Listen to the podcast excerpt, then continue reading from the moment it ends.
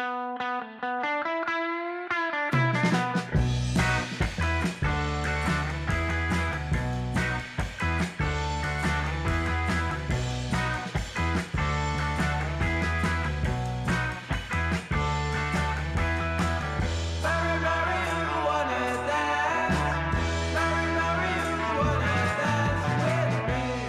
Welkom bij High Tea met Dirk en Rens, een podcast over cannabis en alles wat met deze wonderlijke plant te maken heeft. Mijn naam is Dirk Bergman. En mijn naam is Rens Hoppenbrouwers. Deze aflevering wordt mede mogelijk gemaakt door Biotaps, organische plantenvoeding voor thuiskwekers, verkrijgbaar op www.biotaps.nl.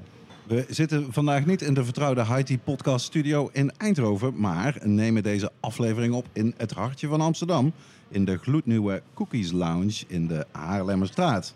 Zeer cool, zeer cool. Met dank aan onze gast. Iemand die al heel lang op ons verlanglijstje stond. Joachim Helms van Greenhouse.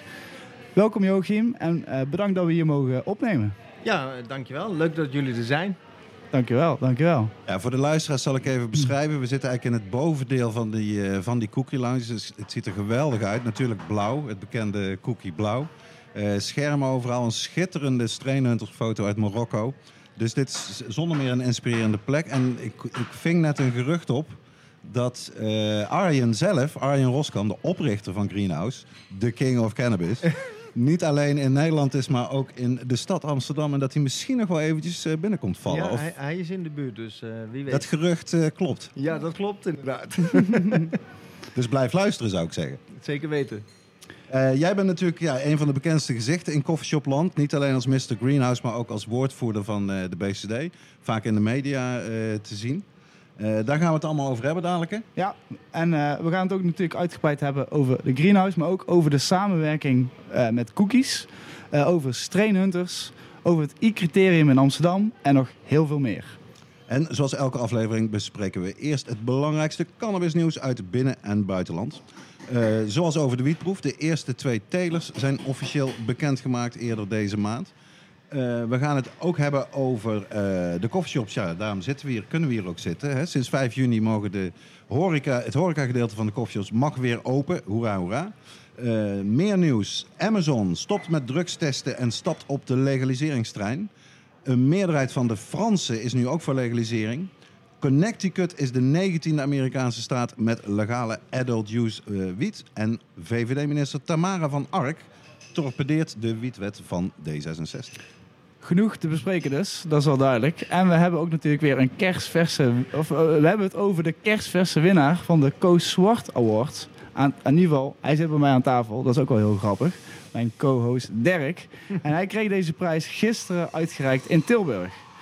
En zoals elke aflevering kun je luisteren naar onze vaste rubrieken. Wat zit er in je joint vandaag? De oude doos. Reacties van luisteraars en de wijze woorden. Dit is High Tea met Dirk en Rens aflevering 40 vanuit de Cookies Lounge Amsterdam. Yes, we gaan beginnen. Blaadjes weg, we kunnen los. en zoals we altijd beginnen, ook al zijn we hier nou in Amsterdam en niet in Eindhoven, we gaan gewoon beginnen met onze eerste rubriek. Wat zit er in je joint vandaag?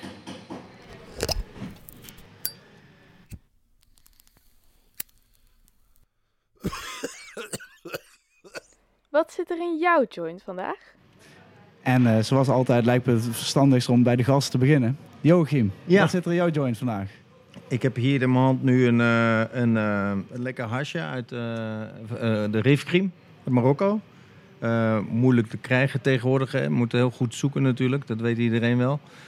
dus ben je, je bent blij als je wat gevonden hebt. En vroeger rookte ik eigenlijk altijd hash met tabak, zoals de meeste mensen.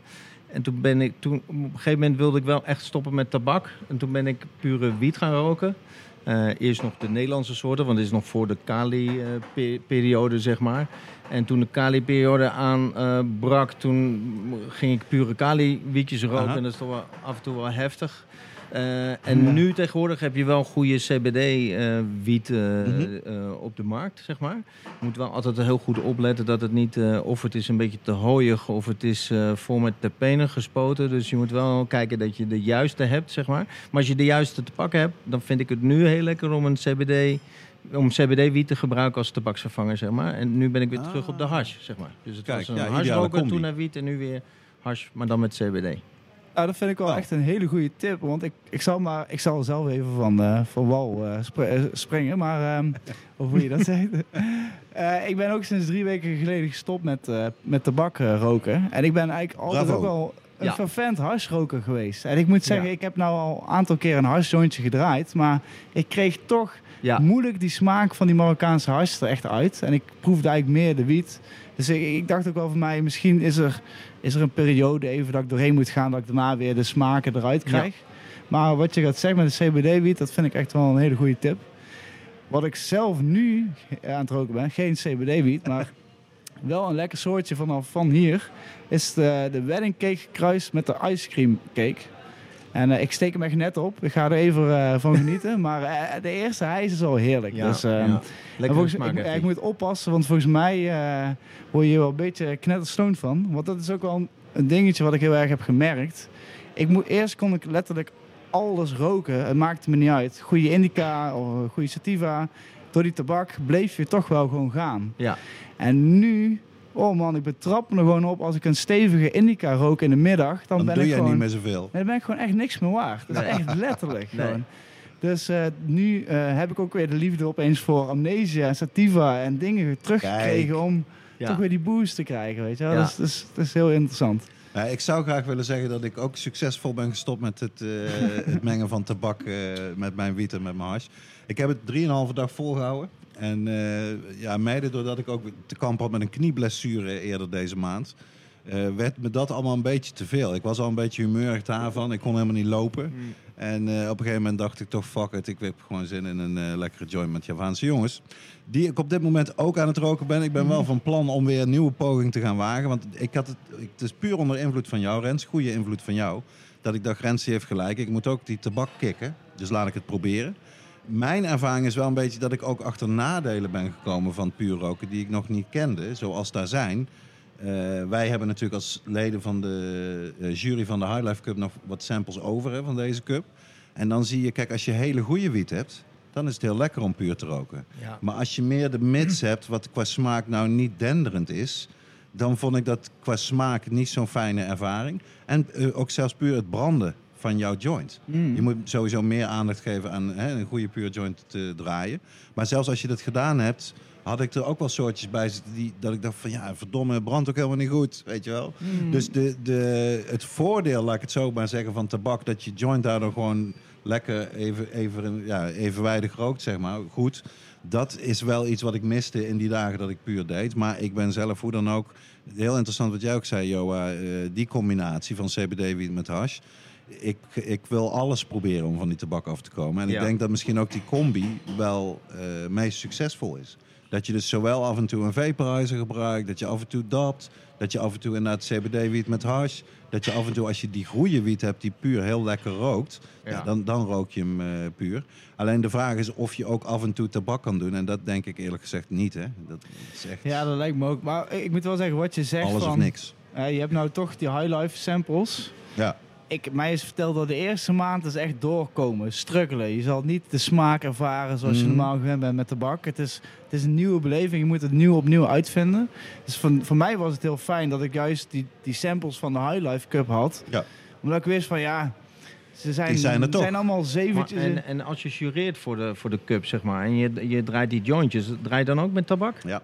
Want ik, ik, ik, ik vind dat het, het, het, eh, beïnvloedt natuurlijk wel de smaak heel erg. Ik, ik proef het er absoluut tussenuit. Ja, Omdat ik zo... Kijk, ik rook zo lang met die tabak. En ook Ja. altijd dezelfde. ja, Dat dat absoluut mijn benchmark is. ja. ja. In, in zekere zin kan ik misschien zelfs nou wel beter beoordelen met tabak dan zonder in die zin. Ja, omdat ik dat gewoon, wat ik zeg, dat is wat ik van alles gewend ben en waarmee ik het ook vergelijk als ik een ander soortje erin stop. ja, ja. En, eh, maar kijk, er zijn sowieso een aantal dingen natuurlijk als je jureert nog voordat je überhaupt gaat roken of dampen, ja weet je al heel is- veel. Ja, En eh, wat er voor mij nou nieuw bij is gekomen dit jaar, omdat het waren ook maar een paar samples bij, waar, waar het zo bij werkte. Maar die ruik je al door de grinder heen. ja. nog ja. voordat je die grinder open doet. Weet je wel? Ja. En dat zijn van die dingen, ik gebruik altijd een microscoopje. Dus je ziet die objectieve maatstaven die je wel kan hanteren voor wiet. En ook wel voor hash. Ja. Dat kan je allemaal doen voor het roken. En, eh, en daarna is het wat je gewend bent. Maar Ik hoop dit jaar 50 te worden. En dat is ook wel een mooi mijlpaalmoment om die tabak dan ook weer te proberen te Ja. kicken in ieder geval. Ah, ik probeer wel een handje te helpen. Maar goed, ik, heb- ik ben zelf ook op dit moment los van die smerige rottabak eh, Javaanse jongens. Ook heerlijk van het huis hier van de Greenhouse. Een, eh, ja, een echte klassieker. Joachim zei net ook van, eh, hebben jullie zin om misschien iets te roken? En hij noemde het zelf terecht, inderdaad. Echte klassieker, de Super Lemon Haze. En ik moest eigenlijk kiezen van, zou ik gaan voor die lekkere hybride die jij aan het roken bent? Wedding cake keer eh, ice cream. Nee? Ja, ja, Wedding cake keer ice cream. En ik dacht zelf van, nou, we hebben nog best wel wat voor de boeg. Laat ik inderdaad maar beginnen met een heesje.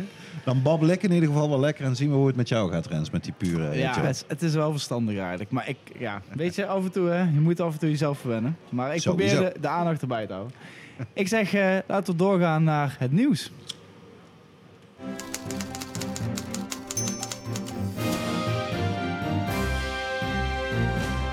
De vaste luisteraars hebben ons even moeten missen.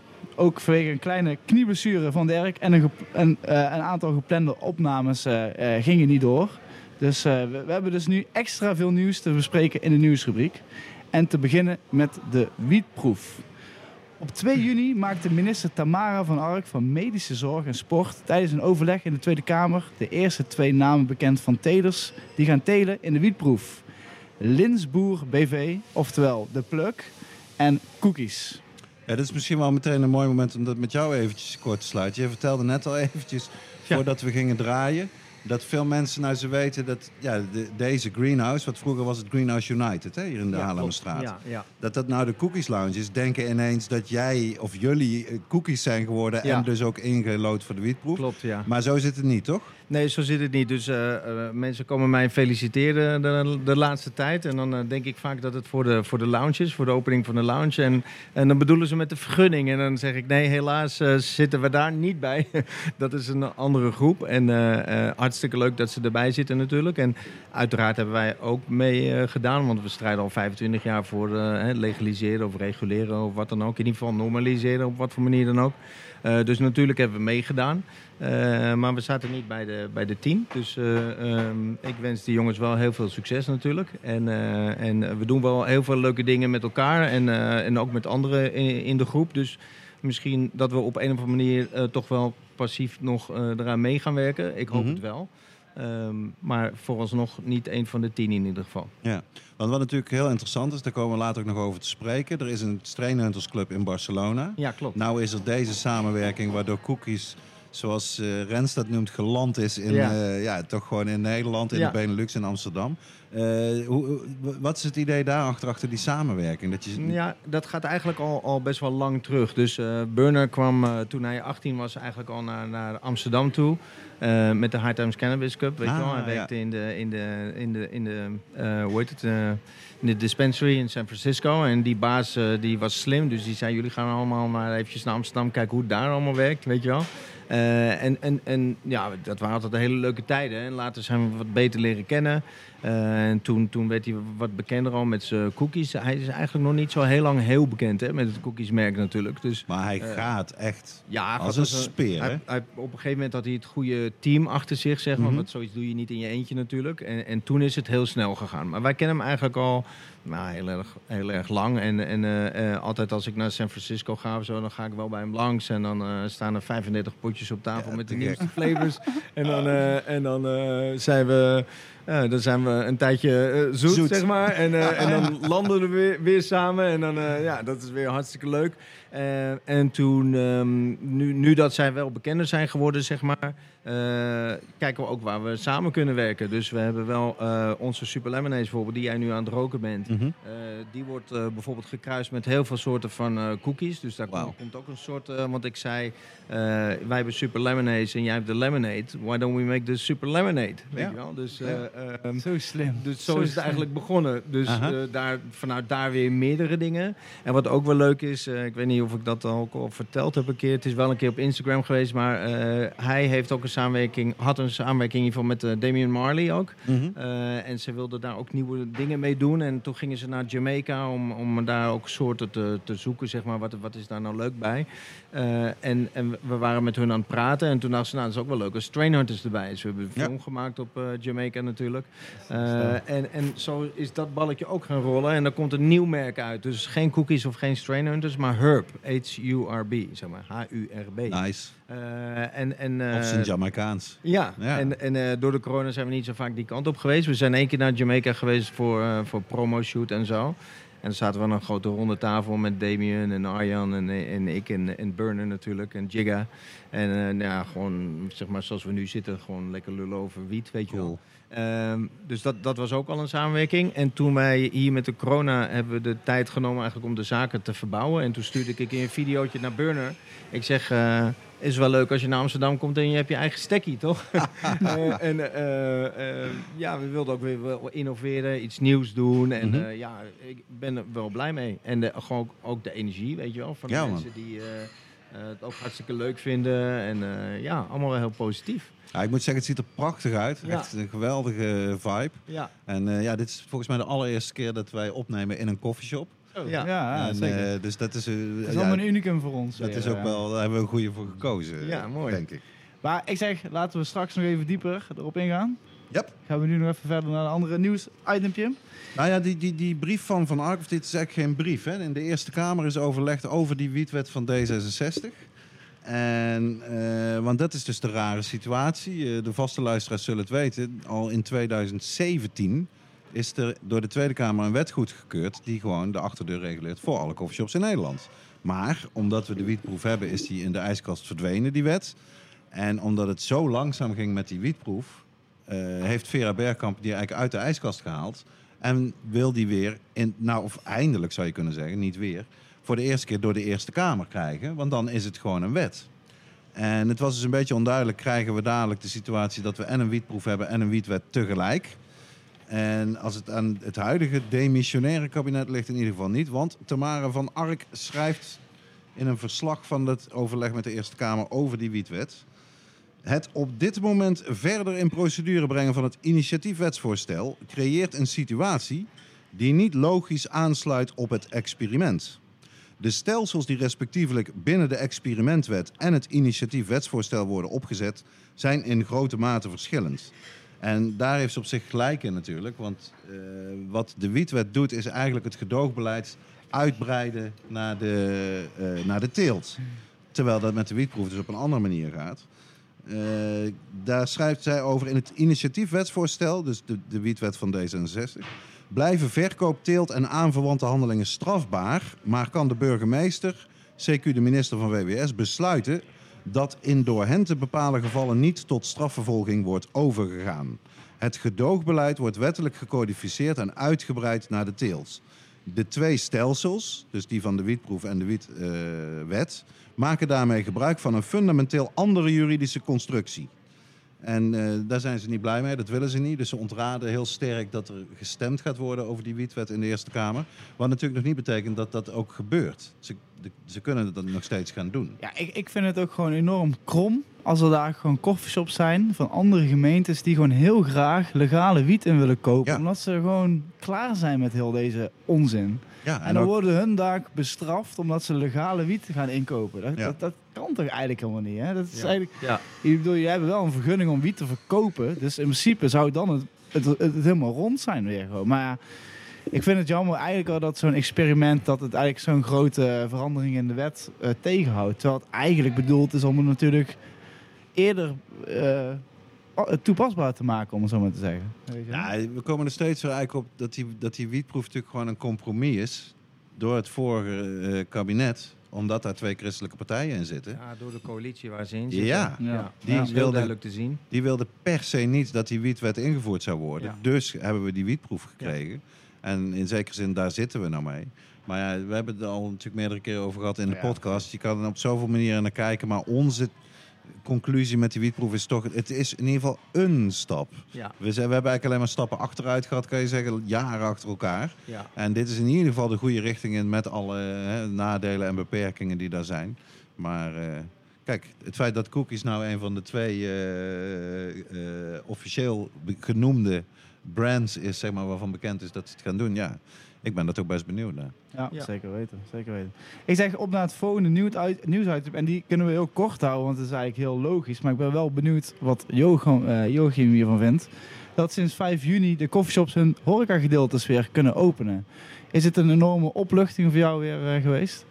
Nou ja, eh, ja, we zijn een beetje meegegroeid in het hele verhaal. Hè. Ik, ik, heb, ik heb een beetje twee, eh, twee eh, meningen erover. Aan de ene kant zie ik iedereen euf- euforisch eigenlijk over het feit dat we straks weer tot één uur dingen mogen doen en naar een club mogen gaan en dergelijke. En aan de andere kant denk ik, nou, je- we zijn eigenlijk zo lang uitgehongerd, zeg maar, dat we Ja. nu weer heel blij zijn dat we iets mogen, weet je wel. Dus ik denk, oké, gisteren mochten we nog heel veel dingen niet en morgen mogen we weer met 300 man in een club staan. Dus ja, eh, dat is hetzelfde als met, met het vaccin, weet je wel. Aan de ene kant denk je, oké, ehm, god, het moet maar. Aan de andere kant denk je, ja, moet ik dan een vaccin nemen om meer privileges te krijgen of zo? Ik heb, eh, ik heb heel vaak twee, twee Ja, ik zie er ja. wel twee kanten in. Dus, maar ja, uiteraard ben ik blij. Vooral in een stad als Amsterdam zie je als ineens die rem erop gaat, zie je wat dat doet met een, eh, met, met een stad, weet je wel. En, en eh, er is een filmpje op social media dat een hond door de stad loopt zo met zo'n cam ach- erachter. Oh, wow. Ja, dat, dat het helemaal leeg was. Die tijden hebben we meegemaakt. Ik ben hier nog een keer bizar. speciaal doorheen gaan lopen, omdat ik het gewoon, gewoon wil ervaren. Want het is, het is onrealistisch wat, het hier, wat voor beeld het hier was. Gewoon uitgestorven. Ja, precies. Ja, Het was, eh, daarom vond ik het ook wel gewoon weer. Het is weer een verademing. ja. Om al die mensen weer te zien en Ja. weer gewoon fijn eh, dat ze op in ieder geval ook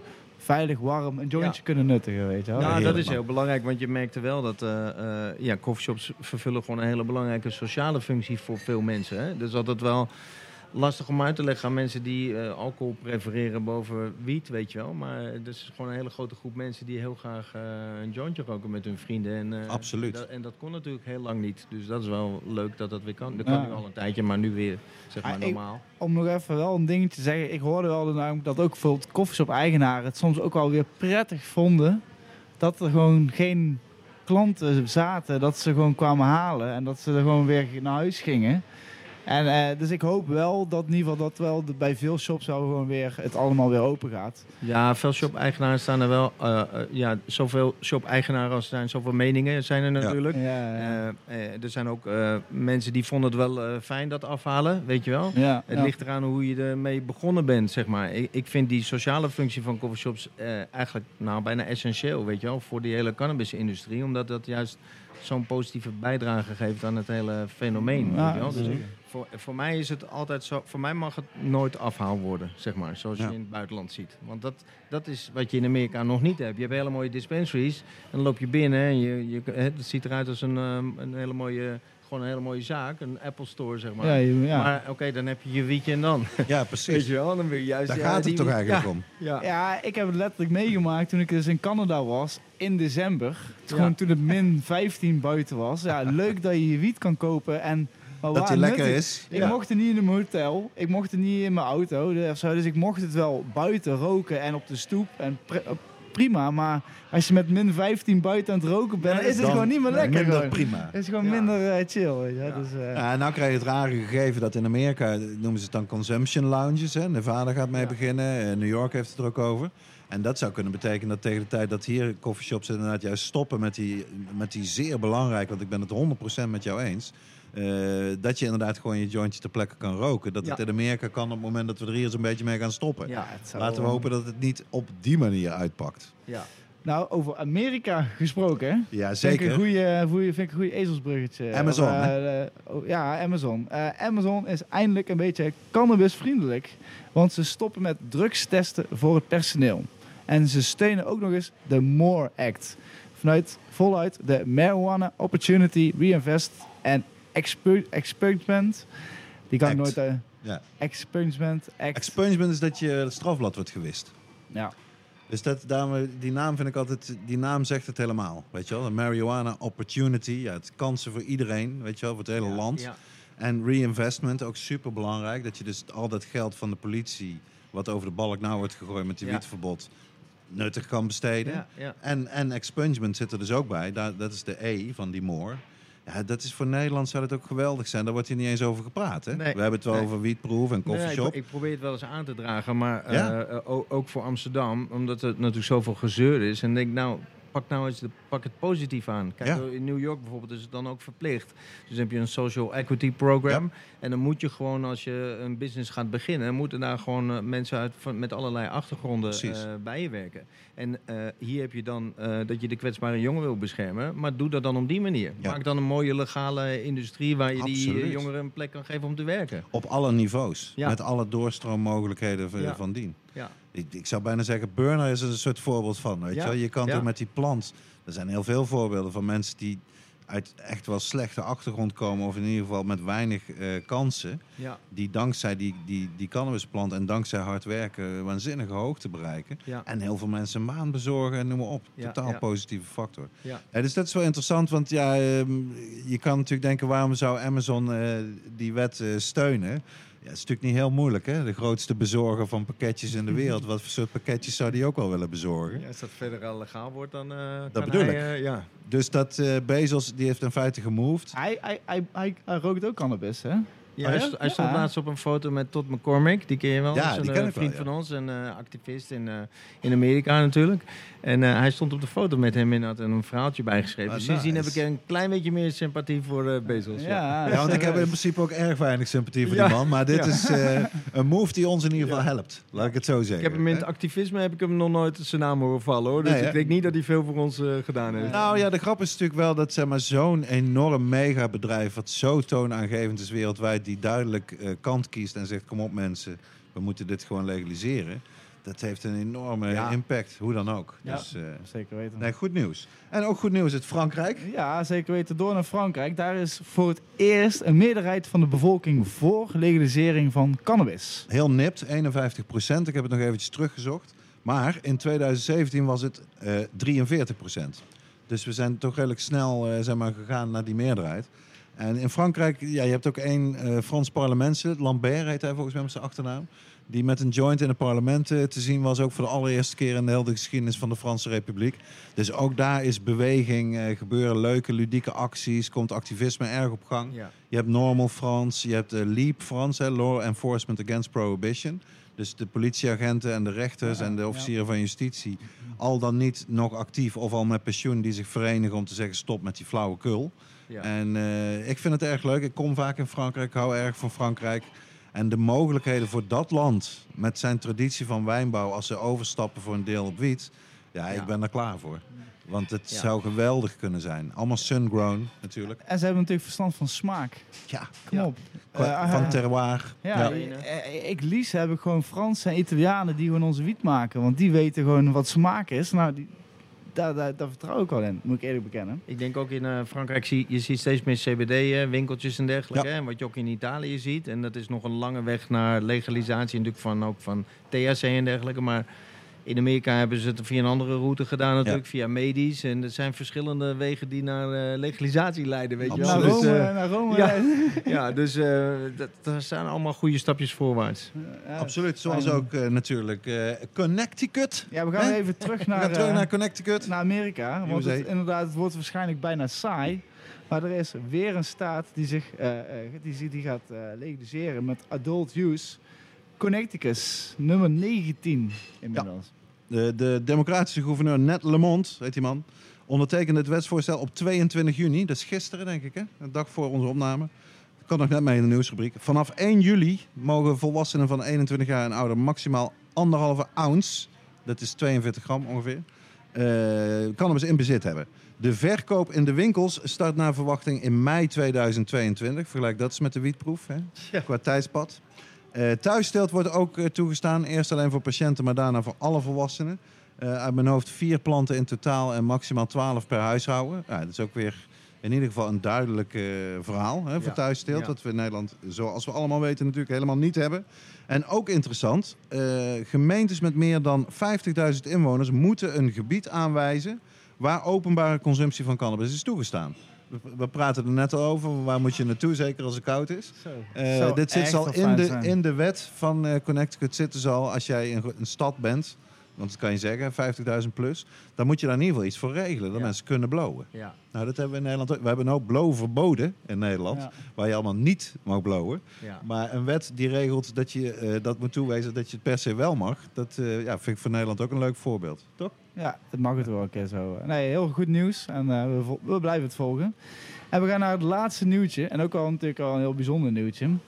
Eh, gisteren heeft Koffieshopbond PCN de jaarlijkse Koos Zwart Award uitgereikt. Deze prijs wordt toegekend aan een persoon of organisatie die zich uitzonderlijk heeft ingezet voor legalisering en normalisering van cannabis. Eerdere winnaars waren onder andere Ben Dronkers, Doede de Jong, Dries van Acht en Rick Simpson. En dit jaar ging de prijs naar mijn co-host Dirk Bergman. Wel top. Ja, dat was echt bijzonder. Wel verdiend. Nou, dat is natuurlijk een super eervol rijtje om in te staan. Je noemde die naam al even. En eh, ja, ik heb Koos nog gekend. Dat is grappig, hè? Hoe lang het geleden is dat hij overleden is, eh, hoe bijzonderder dat wordt. En eh, ja, dat blijft een soort inspiratie. Het was natuurlijk ook een super eigenwijze man, weet je wel. Super lang van stof. Episch lange telefoongesprekken. Maar eh, ja, ik heb daar zoals heel veel mensen enorm veel van opgestoken. En ehm, het belang ook, het belang zeg maar van waar wij mee bezig zijn. eh, dat je daar goed van doordrongen bent. Eh, we, hadden het over de sociale functie van de koffieshop. Dat heb ik bij Koos natuurlijk ook veel, veel over geleerd. Dat je, het gaat echt over mensenrechten. Het gaat echt over heel fundamentele dingen. waarvoor is de staat? Wat is de macht van de staat? Om voor jou te bepalen welke planten je mag hebben. Ja. Om, om bij jou gewoon een inval te doen, weet je wel. Al die dingen. eh, Je moet nooit de vergissing maken dat het gaat over leuk een jointje roken en, en een feestje vieren. Dit is echt een onderwerp waar zoveel aan vasthangt. Door het verbod, moet ik er wel meteen bij zeggen. Hoewel ook aan de positieve kant. En daar was Koos toch ook wel goed in. En, en snel. eh, pionierend. Hij was de allereerste die ik bijvoorbeeld tegenkwam. Die, die zei van de koffieshop moet veel meer verduurzamen. En vergroenen, weet je wel. Geen plastic verpakkingen meer. Gewoon alleen maar LED- LED-verlichting. Probeer een keer positief op die manier in de publiciteit te komen. Dat zijn allemaal, eh, ja, dat, dat, dat- zo was Koos. En daarom is het echt wel eh, ja, een grote eer om die, eh, om die prijs te mogen winnen. Ja. En ik kreeg een mooie lofrede van eh John Rozen. Dat vond ik ook erg bijzonder. Die had een leuke, ja, die had echt een bijzondere Was een speech. belletje? Was een belletje? Shit. wie, is, wie is John Roos ook weer? Ja, John Roos, Ja, de echte de- fans ik kennen hem, want hij is al één keer te gast geweest in de podcast. Voor de een vroege aflevering. Hij is onze adviseur van het VOC en met name lobby-adviseur en Haags contactpersoon, zoals we altijd zeggen. Het geheime wapen. Dat is eigenlijk ons geheime wapen als VOC. ja. Dus eh, die, eh, dat was goed gekozen, moet ik zeggen, van het PCM. Want wij kennen, we hebben elkaar de afgelopen tien jaar, John en ik, erg goed leren kennen. Dus hij kon eh, goed beschrijven. Hij noemde mij een spin in het web. Die eh, in een hoekje zit te wachten tot hij zijn prooi kan vangen, maar hem dan helemaal leegzuigt. Dat vond ik wel aardig getroffen. nou ja, Nee, dus dat was mooi. Nou, ja, ik moet ook wel zeggen, ik vind het een vereerd ook, eh, dat, dat je hem hebt gewonnen. En ook het feit, ik ben al zeven jaar eh, loop ik stage bij jou. dus ja, ik, heb, ik leer enorm veel van je.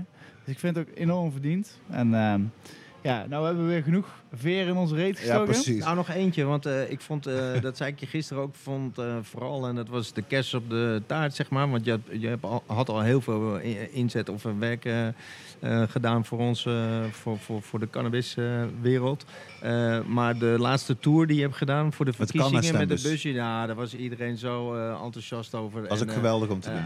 eindeloze inzet daar, dat was eh, ja, wel verdiend, man. Ja, Ja, ja En top. dank je wel voor al het werk. wat Het mooi. graagte. Echt Ja. mooi. Ik zeg, eh, we gaan nou eh, naar onze, eh, onze gast. En, nog, en eigenlijk ook gastheer. Dat is ook het mooie. Ja. Laten we wat dieper ingaan op eh Joachim. En eigenlijk, dat vragen we eigenlijk aan iedereen. En dat vinden we altijd leuk om te horen. O- Gewoon het begin van, hoe ben jij nou eigenlijk opgegroeid? Hoe, hoe- waar, waar en hoe ben jij opgegroeid? Ja, eh, ja, dat is wel eh, grappig dat je dat vraagt. Nou, dat komt niet vaak ter sprake. ik ben, eh, nou, dat is wel grappig eigenlijk. Ik ben hier om de hoek op, geboren, op de Brouwersgracht. Dus dat is echt letterlijk eh 200 meter hier vandaan, om de hoek. Wel in het ziekenhuis verderop, op de Prinsengracht. Die is nu gesloten. Ehm, en ja, in, nu is het een beetje een, een, mooie, welgestelde buurt. Dat was in de jaren 70 wel anders. Eh, dus, nou god, daar heb, daar ik niet zo heel eh, eh, veel van meegekregen. Mijn ouders gingen ver- verhuizen hier en daar. Op een gegeven moment ben ik op mezelf gewoon, gewoon in Amsterdam altijd gebleven. Ehm ben een jaartje naar, naar Amerika gegaan om te studeren. Ehm, daar eigenlijk, daar, ik was altijd veel in coffeeshops te vinden. Niet echt in cafés en dergelijke. Ik was niet zo van het bier, ik was meer van het jointje. En gewoon met vrienden eh, lekker in de Damkring zitten en eh, in de Tweede Kamer. En eh Greenhouse was, wat bestond toen nog Nee. niet eens. En, ehm, toen ging, en dus ik was meer een beetje een coffeeshop jongen, zeg maar. Nog niet een cannabis jongen, snap je het verschil? Dat, daar zitten verschillen in, hè? We hebben meer een coffeeshop cultuur dan een cannabis cultuur. Het begint nu wel te veranderen allemaal, maar toen was, toen was dat zeker nog niet zo. En in Amerika zag ik mensen van Normal, waar je het net ook over had. En eh, begon ik me ook wat meer erin te verdiepen. Want ik had in het begin alleen hele slechte Mexicaanse wiet. Weet je wel, dus ik moest wel. En, eh, dus eh, zodoende begon je te netwerken binnen het cannabiswereldje. En, en raakte ik ook, wat meer erbij betrokken. Dat was in eh 94, 95. En toen was Greenhouse wel al geopend. Dus toen hoorde ik daar eigenlijk ook over Greenhouse. Want die begon die High Times Cannabis Cups te winnen. Weet je wel? Oh, Amsterdam, man. Oh, de High Times Cannabis Cup. En, weet je wel? Dus toen begon het balletje een beetje te rollen. En toen ehm, heb ik mijn studie afgemaakt. Toen ging ik weer naar Amsterdam. Toen was ik eigenlijk opgeleid om een kantoorbaan te hebben. Of gewoon ja, een, een normale baan, zeg maar. Waar heb je voor gestudeerd dan? Eh, economie en nog een beetje psychologie ook in, Ah, eh, in Amerika. En eh, ik vond marketing wel al- altijd heel leuk, weet je wel. Dus dat lag wel ook in mijn straatje. Nou, toen had ik wel een, een, kantoorbaantje geprobeerd, maar na drie weken al weggelopen. Maar ik moest toch de huur betalen natuurlijk. En toen ging ik een keertje thee drinken. Ik woonde om de hoek van de Tolstraat, eh, waar de eerste greenhouse is. En toen zag ik honderd jongens in de rij staan om, eh, om een, eh, een sollicitatiegesprek te voeren. Dat was Arjan en nog een andere jongen.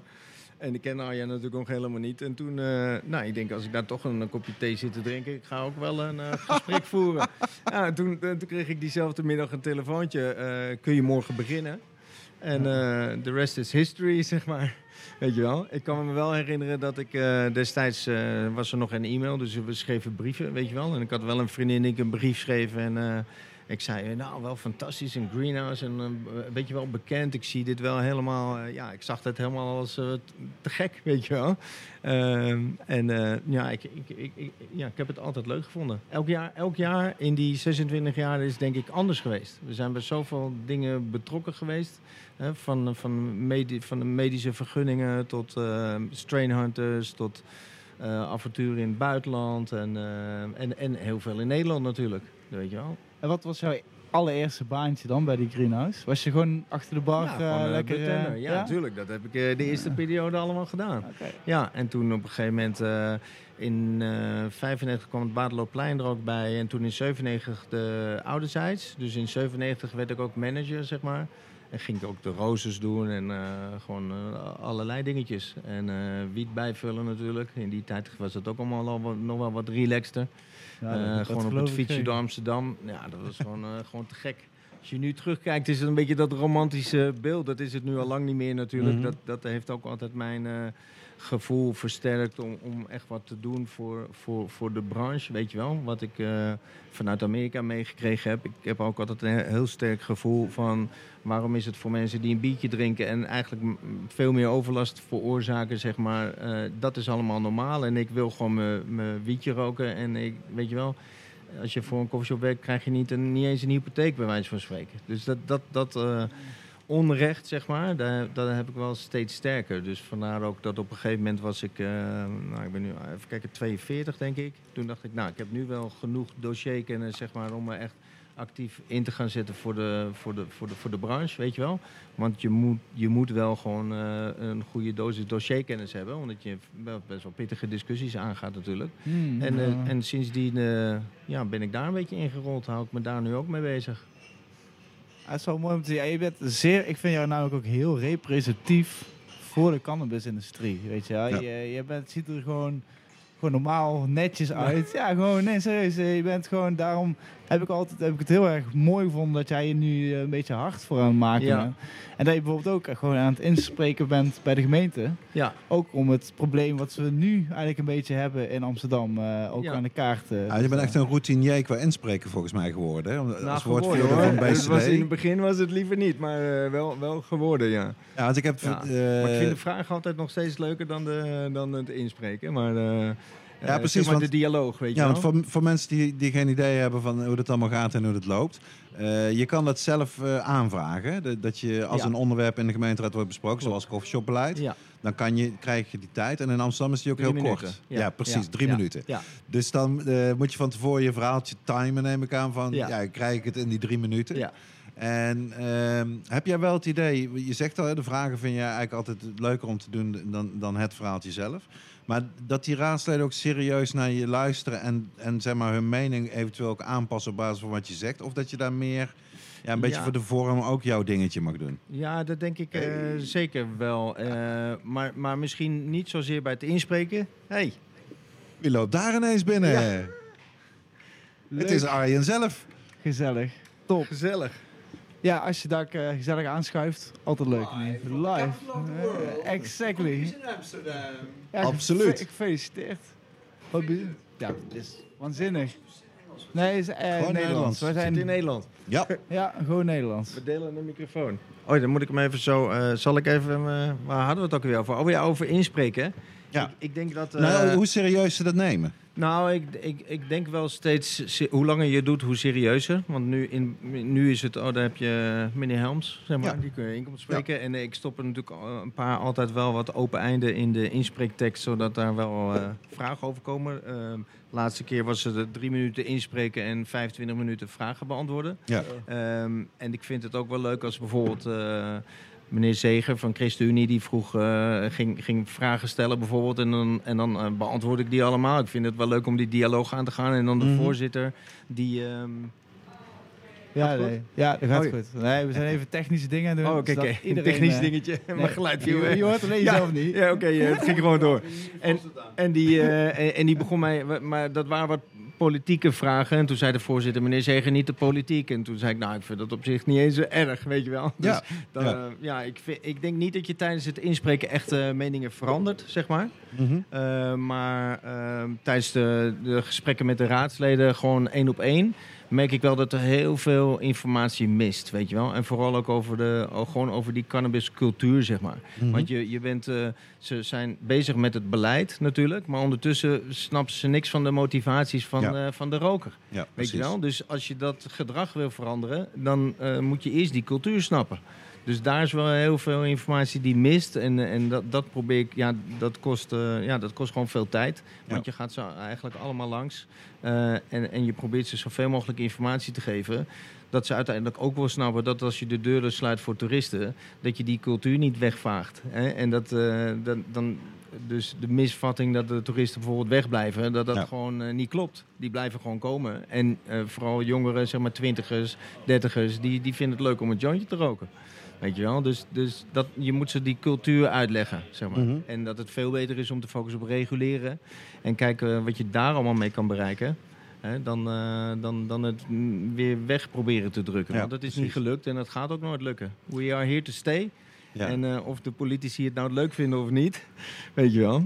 Want denk je, nou, dat is natuurlijk ontzettend moeilijk te voorspellen, maar denk jij dat, dat het echt zover komt dat ze dat I-criterium gaan handhaven? Of denk jij dat deze ramp af te wenden is? Nou, ik, ik, denk dat het wel, eh, eh, ik denk dat het wel af te wenden is. Het laatst was een expert-sessie. Er waren zes experts, waaronder ik zelf. Nou ja, dat is geen verrassing dat wij tegen zijn natuurlijk. Maar als je ook naar de burgemeester De Pla luistert en de burgemeester van Vlissingen... dan hoor je tussen de regels door wel dat het eigenlijk voor Amsterdam echt niet te doen is. Ja. Hè, wij zijn totaal niet te vergelijken. Er zijn, eh, weet ik veel, hoeveel meer eh, toeristen dan in elke andere stad. Eh, en, en ze hebben een misvatting dat ze bijvoorbeeld de burgemeester zegt... nou, er zijn ook cocaïne-dealers, dus die gaan dan ook maar cannabis verkopen. Ja. En als er dan minder toeristen komen, hebben we misschien wel minder straatdealers. Nou ja, ik, Ik- weet niet ik hoe heb het met onlogisch je, ja, Hoe onlogischer je iets kunt stellen dan dat, weet je wel. Dus eh, ehm, ja, je moet wel tegen, tegen alle logica ingaan. En dat is dan het enige dat je misschien denkt... welke agenda zit daar dan achter die wij niet kennen... Dat is een beetje de enige variabele die moeilijk in te schatten is, zeg maar. Dus als daar iets achter zit wa- waar we niks aan kunnen doen, ja, dan dendert dat gewoon door. Nou, vooral ook omdat het GroenLinks is die ermee komt. En gewoon waar je denkt van nou, dit is juist heel positief voor de stad. En jullie Ja. worden wat meer gerespecteerd en Ja, hier- er gaat vooruitgang komen. Maar in plaats Ja. van dat gaat ze met de botte bel Ja. er gewoon in. ja. Ja de burgemeester is natuurlijk boven de partijen. Hè, en, de, en, de, en de fractie van GroenLinks die, die staat er wel anders in eigenlijk. Hè, en ehm, ja, iedereen heeft er wel een mening over, maar dat ingezeten nicotine... De discussie gaat ook alle kanten op, hè. Want het begon eerst over toeristen. We moeten minder toeristen in Amsterdam hebben. Dan gaan we het ingezeten nicotine invoeren. Nou, de logica was ook niet te, te volgen eigenlijk. Op een gegeven moment was die discussie niet te winnen, leek wel. En toen ging de discussie ineens over... nee, we moeten het ingezeten criterium invoeren... want er is te veel ondermijning aan de achterdeur... vermenging met harde criminaliteit. En we willen reguleren, maar om te reguleren... moeten we Ja, eerst ja. de koffieshops een kopje kleiner maken. En daarom moeten we het criterium invoeren. Nou, ik herinner me, ik weet niet of het bij die expertmeeting was of gewoon bij een raadsvergadering, maar dat Femke Halsema eerst zei dat ze wel een beetje jaloers was op New York, Ja. omdat ze daar nou hebben gelegaliseerd. En twee zinnen later zei ze, helaas is de Amsterdamse cannabismarkt te groot Ja, om te nou, New York is reguleren. honderd keer groter. What en, the fuck? en dan is het jammer van die de drie 65 minuten... miljoen buitenlandse bezoekers per jaar Ja, in New York. ja. Hè? En dan dat is, is, het, toch iets eh, meer dan hier hoor. Ja, en dan is het jammer van die drie minuten spreektijd. Want dan, Ja. wil, dan wil je eigenlijk ook zeggen, eh, beste burgemeester, kijk naar New York. Zie, hoe, Ja. zie hoe ze het gaan legaliseren met die social equity programs. Hè. Ga er heen. mensen erbij. Ja. Die mensen Ja. die jullie willen beschermen, hè, eh, die cocaïne brengen naar de Zuidas en die straks ook eh, wiet gaan dealen op straat voor Ja, toeristen. ik denk dat je absoluut goed punt hebt. Want je ziet dat in de raad, ook bij christelijke partijen, daar leeft terecht die bezorgdheid van. Als je zo makkelijk als dealertje je geld kan verdienen door wiet te verkopen aan toeristen op straat, is dat niet fijn voor die jongeren die wij in een opleiding of Nee. aan een baan proberen, weet je wel, van de straat proberen te Ja. houden. En dan is dit natuurlijk een gouden vondst, want het is een geweldige industrie om in te werken, toch? Ja, dat merken wij met de podcast ook heel duidelijk.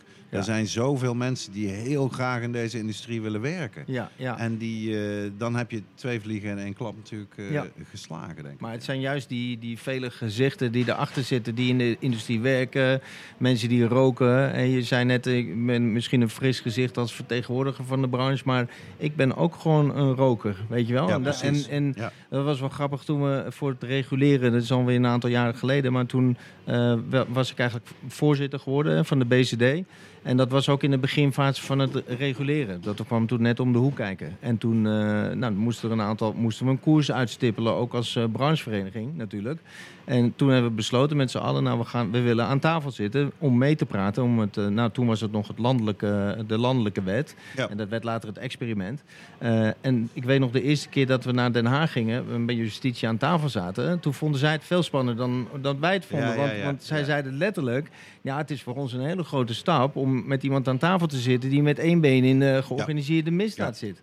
Weet je wel? En eh, na 2,5 uur praten en brainstormen, Snapten toen ze waren ze eigenlijk beter. veel enthousiaster. Ja. Zeiden ze, oh, je, je kon het bijna merken aan hun oh, nou, dat viel eigenlijk wel heel reuze mee.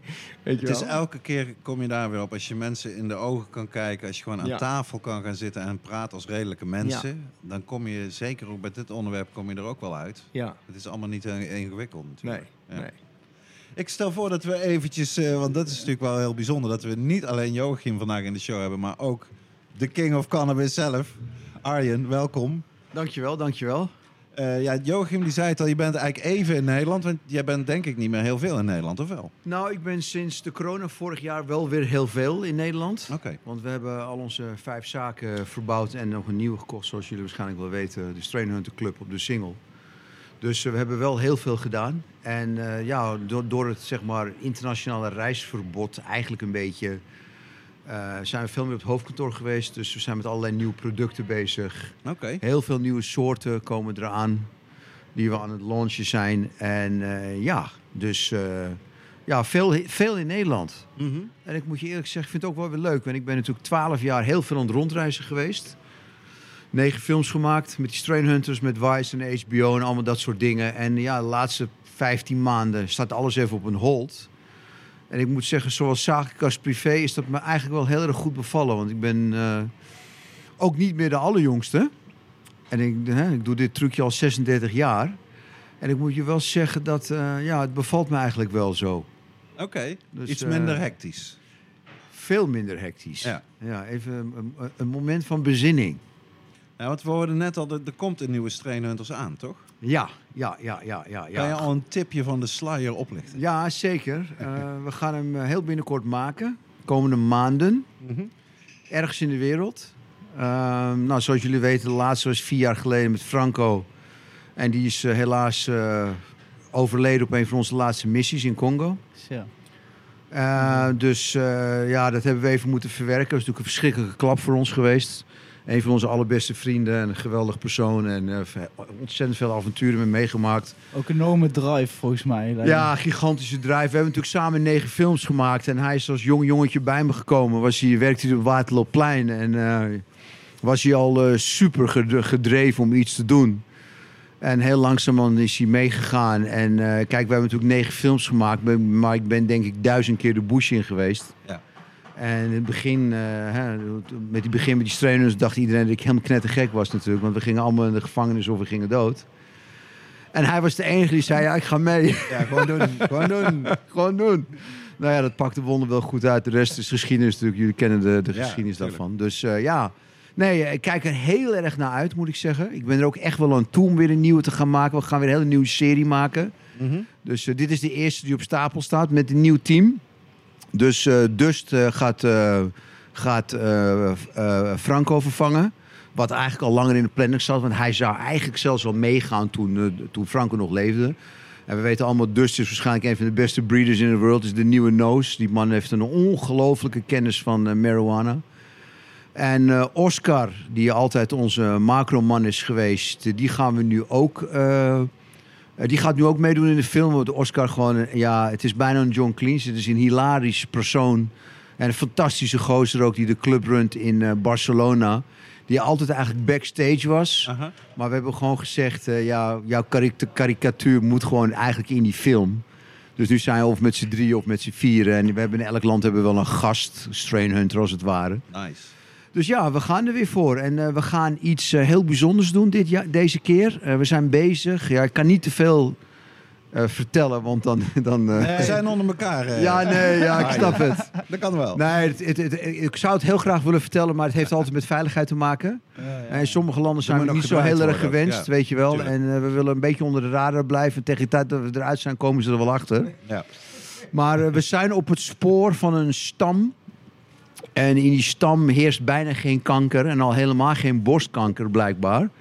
En eh, twee professoren van een universiteit zijn dat aan ons onderzoeken. Het heeft waarschijnlijk met de turps te maken die in dat specifieke eh, ras zitten. Dus we gaan die zaden ophalen en daar kan daarna science kan er verder mee. Maar het is wel een hele interessante. En al, elk steentje wat we kunnen bijdragen aan de, aan de medische cannabis eh, doen we graag. En bovendien is het altijd natuurlijk een fantastisch avontuur. Ja, man. en eh, ja, ja, veel mooier wordt het niet als je natuurlijk van je, van je hobby je werk maakt. Hè? Dan werk je nooit. Nou ja, zoals we hier met z'n vier eh, rond het tafeltje zitten, hebben we dat allemaal gedaan, denk ik. Ja, ja, ja, nee, absoluut. Eh, Jouw, Simon werkt er nog aan, mijn jongste zoon, onze technicus. Oh, is dit jouw zoon? Dit is mijn jongste zoon. Nou ja, Simon. ik ken natuurlijk alleen maar jou. En ik, ik, ik trouwens even zeggen, de, je laatste stuk was weer geweldig, wat je geschreven hebt. Eh, aangaande het I-criterium. Ik heb dat eh, een week of vier geleden gelezen, denk ik. Wanneer heb je dat geschreven? Eh, ik heb er twee gedaan, denk ik, ja. Spijker op zijn kop. Ehm, ja, Halsema is geen GroenLinks, hè. Laat ik dat even duidelijk zeggen. Halsema is op de hand van de rijke grachtenbewoners. Maar hoe verklaar je dat nou? Ja, je, dat zag je vroeger al met alles wat links is. Dat veel te rechte zak, hè? Om het maar even heel kort de bocht te zeggen. Dat Ja. hadden we al met Wim Kok en dat soort types allemaal... die dan allemaal in de Raad van Commissarissen terechtkomen. Ik weet niet wat het is. Dat is iets in de politiek. Maar het druist natuurlijk tegen, in, tegen alle grondprincipes van Amsterdam. Het Ja. druist in tegen wat GroenLinks en D66 en Partij van de Arbeid voor staat.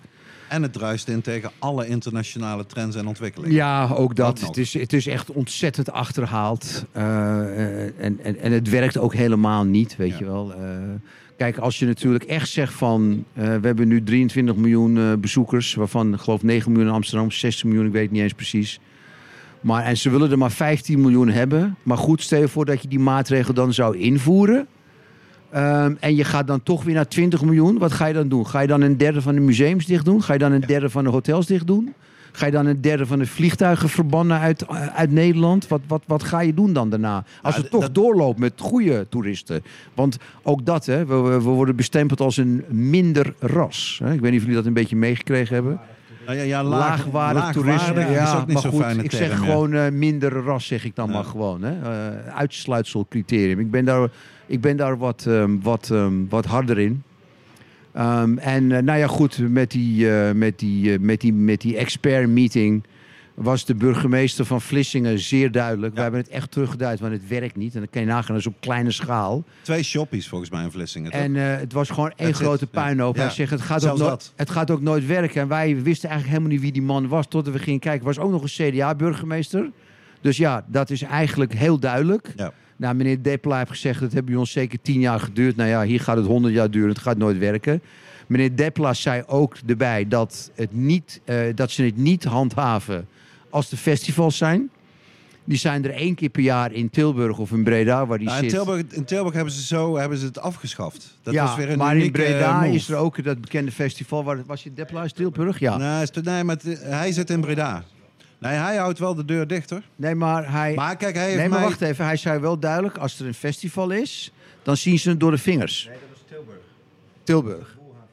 Dat Woeha Ja, Festival. klopt. Ja. Was dat eh, eigenlijk merkten de bewoners het, oh, sorry, merkte- toen merkten de bewoners het verschil niet meer tussen eh, of de coffeeshops nou wel open of dicht zijn voor de toeristen. En toen hebben ze het maar gewoon opengelaten. Ja, het was een soort tussenstap daar in Tilburg. Eerst een proef met, eh, laten we dat eens proberen. Als je een festivalbandje hebt, mag je gewoon de shop in. ja. En, en iedereen was laaiend enthousiast. Dus toen hebben ze het nou ja, goed, hier in. Amsterdam heb je elke week een festival. Ja, of je hebt eigenlijk technisch gesproken heb je elke dag een festival. Ja. En eh, wat ook zo mooi verwoord werd door de experts, is dat in eh, zeg maar onze jonge Nederlanders die in die contraien wonen in Brabant in 2012, toen het in, eh, ge- ingevoerd werd, nog in een Fiat Panda rondreden en nu allemaal een hele mooie auto hebben. Ja, absoluut. Dus ja, wat wil je? Ja. Hè, eh, wil je je kop in het zand steken of wil je gewoon er gewoon mee omgaan op een verantwoordelijke manier? Ja. En ik denk dat laatste, ik denk dat we allemaal wel gaan inzien wat er aan de hand is. En eh, je ziet ook dat onderzoek waar zogenaamd 56% eh, ondervraagd werd op de wallen die tegen eh, die dan voor roken kwam. Maar ze hebben er niet bij verteld dat alleen 18 tot 25 of 18 tot 30 jaar ondervraagd werd. En ook alleen op de wallen onder En ook alleen op de Ja. wallen. Dus dat hele, dat is gewoon corruptie. Het is Ja. gewoon corruptie.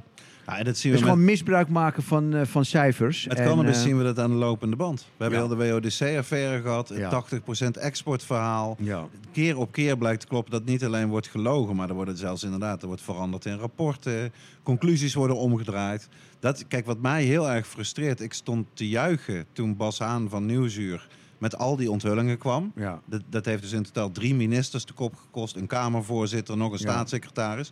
Maar de, die corrupte, want dat woord... Kijk, ik gebruik het zelf ook maar weinig. Maar in dit geval kan je het echt gebruiken. Nee, je moet het anders zeggen. Corrumperende overheid. Maar deze eh getrukte, gemanipuleerde cijfers... die worden nog steeds gebruikt. Sterker, Rutte heeft het nou dat 90% van alle wiet in Nederland wordt geëxporteerd. Het kan niet gek genoeg zijn, zeg maar. Dat is heel gek dat daar dus ook geen zelfreinigend vermogen is. Maar eh, Ja, het is wel grappig dat 90% van alle wiet geëxporteerd wordt. Maar wat in de coffeeshops verkocht wordt, wordt voor 70% geïmporteerd uit Ja. buiten Europa. Ja, en. Europa. Dus hoe zit dat dan precies? ja.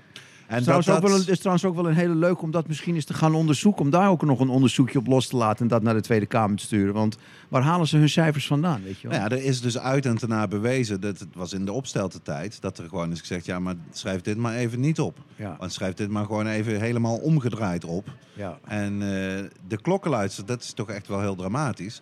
Er is één vrouw bij WODC, was de klokkenluister in heel deze affaire. Die heeft een interview gegeven, eh, niet zo lang geleden, waarin ze zegt... Mijn advies aan iedereen bij de overheid die een misstand of corruptie ziet... hou je mond. Ja. Meld niets.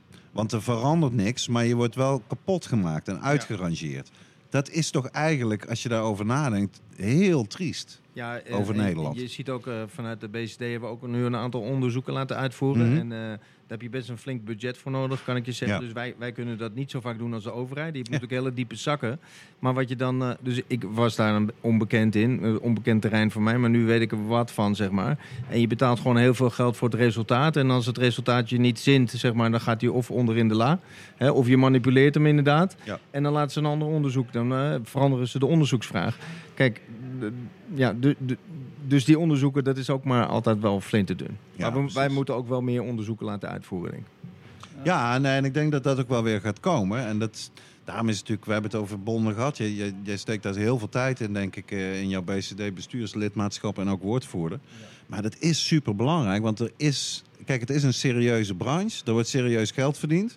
Dus er moet een serieuze lobby zijn. En ik heb zelf het idee dat dat Eh, kijk, gisteren is niet alleen de Koos Zwart Award uitgereikt, maar was er natuurlijk ook een algemene ledenvergadering van PCN. En een bijeenkomst daarna, waarbij ook niet-leden van de bond en ook leden van BCD waren er een flinke aantal gisteren. En de, met toch een aantal telers die ingelood zijn voor de wietproef. Ik heb verschillende mensen wel, zelf ook even veel. gesproken. Volgens mij wel acht van de tien of zo. Ja, en dat soort dingen word ik zelf erg blij van. Ja. Want hoe meer onderlinge communicatie, samenwerking, samen optrekken... Ja. Da- dan kom je sneller verder als dat je allemaal maar vanuit je eigen Ja. eh, putje blijft vechten tegen die overheid, denk Ja, ik. ik moest wel lachen, want ik stond met de nieuwe voorzitter van de, van de PCN, Ja. met Kent. En eh, eh, ik, ik, ik, ik vond het wel grappig, want toen ik begon als voorzitter, zeg maar, was een, was een reguleren helemaal nieuw, een nieuw thema, Ja. zeg maar. En nu kwam ik gisteren en toen ik, ik was iets later, door, eh, omdat ik eh, uit eh, Barcelona kwam, maar ik zag dan, zeg maar, zoals op een feestje, dat mensen elkaar staan af te tasten, zeg Ja. maar, zag ik Echt, de hè? koffieshophouders aan één kant staan en eh, aan de andere kant de telers. En wij liepen er dan een beetje zo tussendoor hè, met z'n tweeën. En ik zei tegen Kent, jij, jij staat weer aan een hele andere nieuwe fase dan waar ik aan stond zes jaar geleden. Zeker weten. en, en ja, dat is wel, wel, was wel grappig om te zien. Maar aan het eind van de avond toen ik wegging, toen was het een leuke gemengde ja. Eh, eh, gezelschap. Dus Want dat anders dan in de koffieshop kan op die ALV niet alleen gebloot, maar ook gewoon gedronken worden. Ja. Alles door elkaar. Dat helpt toch wel mee, hè? Qua Ja, smeermiddel. Eh, even, ja, dat, dat wil ik aan Arjen nog vragen. Je zit hier toch, dat zei Joachim eigenlijk net, vond ik heel interessant. Dat hij eigenlijk altijd in de koffieshop kwam en hij koffieshopcultuur eh, fan was in zekere zin. Maar dat hij dankzij een jaar in Amerika door te brengen om te studeren die cannabisplant, maar ook de cultuur, veel serieuzer is gaan nemen. Eh, Hoe is dat met jou? Want de, de High Times Cup is denk ik voor Greenhouse heel belangrijk geweest in Ja. jullie ontwikkeling. Absoluut. Ik ben zelf, kan ik zeggen, ook ge- geïnspireerd door mensen Ed Rosenthal, eh, Jack Herrer. Dat je ziet dat het, wat, dat het onderwerp zo groot is en zo belangrijk. Hoe is dat, hoe is dat bij jou gegaan? Nou ja, ook natuurlijk. Kijk, ehm, we hebben dit natuurlijk gecreëerd in de wereld. Hè, in de 70 jaren met de Melkweg in de Paradiso. 1968, 69, begin 70. Daarna zijn de coffeeshops in Nederland gekomen.